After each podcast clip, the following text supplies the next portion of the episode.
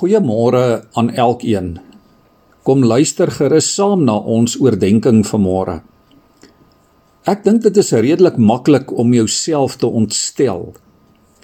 Daar is waarskynlik en heel dikwels genoeg redes om kwaad te word. As ons dink aan gebeure in die samelewing rondom ons die afgelope tyd, dan kan ons mekaar seker ook nie kwaadlik neem as gemoedere wil oorkook en as die mere onstuimig begin raak nie. Ons leef immers in 'n onstabiele wêreld. Ek lees ver oggend vir ons Psalm 37 net die eerste paar verse. Moet jou nie ontstel oor die kwaaddoeners nie. Moenie afgunstig wees op hulle wat kwaadwillig optree nie. Want soos gras verdor hulle vinnig en soos groen plante verwelk hulle. Vertrou op die Here en doen die goeie. Bewoon die land en waak oor eerlikheid. Vind jou vreugde in die Here, dan sal hy jou gee wat jou hart begeer. Vertrou jou lewenspad aan die Here toe. Vertrou op hom en hy sal optree. Hy sal jou geregtigheid soos die oggendlig laat verskyn en jou reg soos die middagson. Wees stil voor die Here. Moet jou nie ontstel nie. Dawid was al 'n ou man toe hy hierdie woorde geskryf het. En Dawid kon verseker uit lewenservaring praat. In vers 25 sê hy: Ek was jonk en ek het oud geword. Dawid het die lewe geken. Vreugde en hartseer het hy goed geken. Lyding en voorspoed vyandskap en vriendskap, armoede en rykdom, siekte en gesondheid, eer en skande.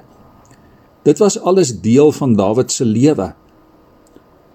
En nou kom en gebruik die Heilige Gees Dawid se lewenservaring om vanmôre vir jou en vir my te wys hoe ons die lewenspad moet loop as kinders van die Here. Daar is vir ons net een antwoord En dit is die woorde van vers 5. Laat jou lewe aan die Here oor en vertrou op hom. Hy sal sorg. Liewe vriende, ons gaan sukkel om in ons eie krag staande te bly. Dis asof die Here wil sê, hou op om altyd self die knoop te wil deurhaak. Hou op om altyd self te wil probeer.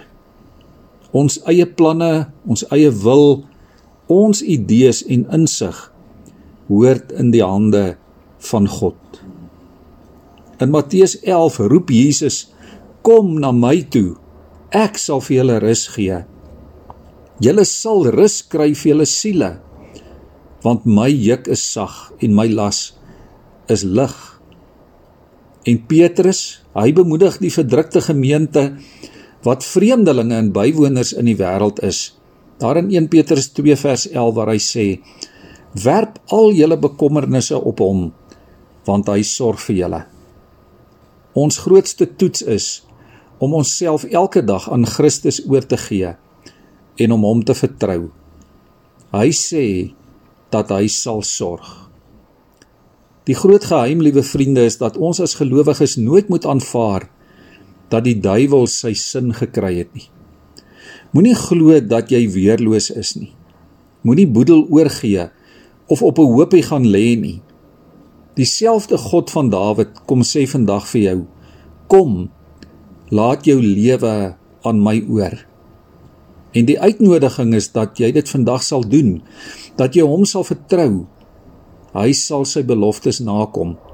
Hy sal vir jou uitkoms gee soos wat hy nog altyd gedoen het op sy tyd en op sy manier. Kom ons bid saam.